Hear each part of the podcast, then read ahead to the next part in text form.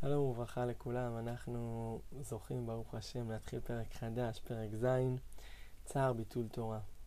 קצת uh, להתעסק בפערים שהרבה פעמים uh, נוצרים בין הרצון שלנו וההשתוקקות שלנו ללמוד תורה ולהיפגש עם התורה, לבין המציאות עצמה, לצערנו. Uh, אז הפסקה הראשונה ממש מתעסקת בזה. ישנם כמה סיבות המעכבות את האדם מדברי תורה, שלא ייכנסו בלבבו. ותמיד צריכים לדעת מהי הסיבה המעכבת אותו. המעכבת באותה שעה שהעיכוב הוא מורגש, כדי שידע באיזה, באיזה אופן להסיר את הסיבה, כדי שיפתח ליבו להיקשר יפה בדברי תורה. אדם שרוצה ללמוד תורה, ומי לא רוצה? רוצים, רוצים ללמוד יותר תורה, רוצים להתחבר יותר, רוצים להתקשר יותר, אבל משהו אפס לא הולך כמו שרוצים. לא מצליחים להתמיד, לא מצליחים לשקוט, ולא מצליחים להתרכז, ולעיין כמו שצריך, או לסכם. מלא, מלא פעמים אדם רוצה מאוד, ודברים לא כל כך מצליחים. למה? למה?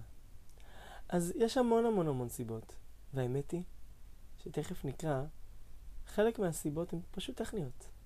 זאת אומרת, אדם ככה כל כך uh, רוצה ללמוד תורה והוא אומר, אני, uh, כנראה יש לי, אני צריך לעשות תשובה יותר, אני צריך יותר לדייק את הנפש שלי, או אדם אומר, אני רוצה, אולי זה לא בדיוק מתאים לי, השיטת לימוד הזאת, והוא מחפש ומחפש שיטת לימוד שמתאימה לו. האמת היא, אתה פשוט עייף מדי, אתה לא ישן מספיק. פשוט לא ישן מספיק, אז אתה עייף, אז אתה נכנס נרדם. לא בגלל שום דבר אחר. לפעמים יכול להיות הרבה סיבות, אבל לפעמים יכול להיות סיבות טכניות. קר לך. אתה במקום לא טוב בבית מדרש, קצת רועש, או המקום שבו אתה קובע עיתים לתורה, קשה להתרכז בו. יש סיבות טכניות.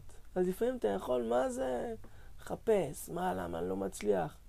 פשוט צריך למצוא מקום טוב, וכדי לקבוע עתים לתורה, מקום שאני ככה יכול להיות שקט בו, או ככה בישיבה, אה, אה, אה, זה יכול להיות אה, חברות הטובה, מלא דברים, חלקם טכניים, חלקם מהותיים יותר. יש כמובן גם דברים מהותיים.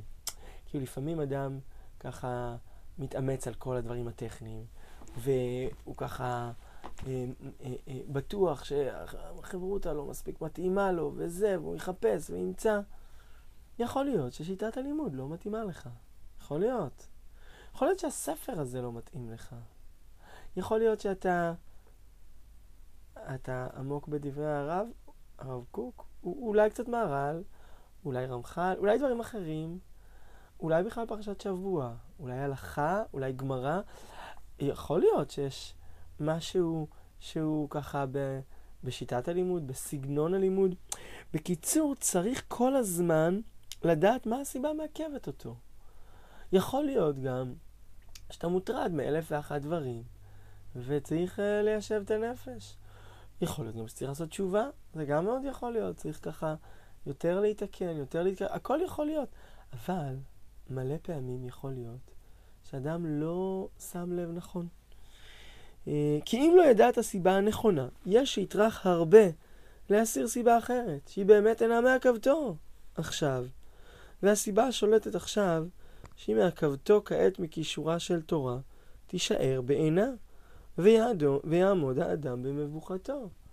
אדם משקיע ממש כדי למצוא בדיוק את האפיק שלו בתורה, אבל החברותה לא מתאימה לו. אז זה לא עובד. אז, אז, אז, אז תבדוק.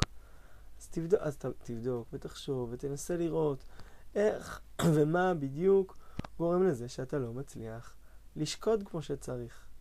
או, או, או להתמיד, או להתרכז, או כל דבר, כל אדם מה שככה יושב עליו, מה שמפריע לו. ו... ו... וזה דבר מופלא, כאילו הרב אומר לך, עם כל זה שוודאי שיש גם דברים מהותיים, אבל יש גם דברים טכניים. והסיבות הללו, יש מהן שהן רוחניות, ויש שהן גשמיות. יש שהן באות מחסרון הכשרה של קודש, ויש שהן באות מחסרון הכשרה של חול.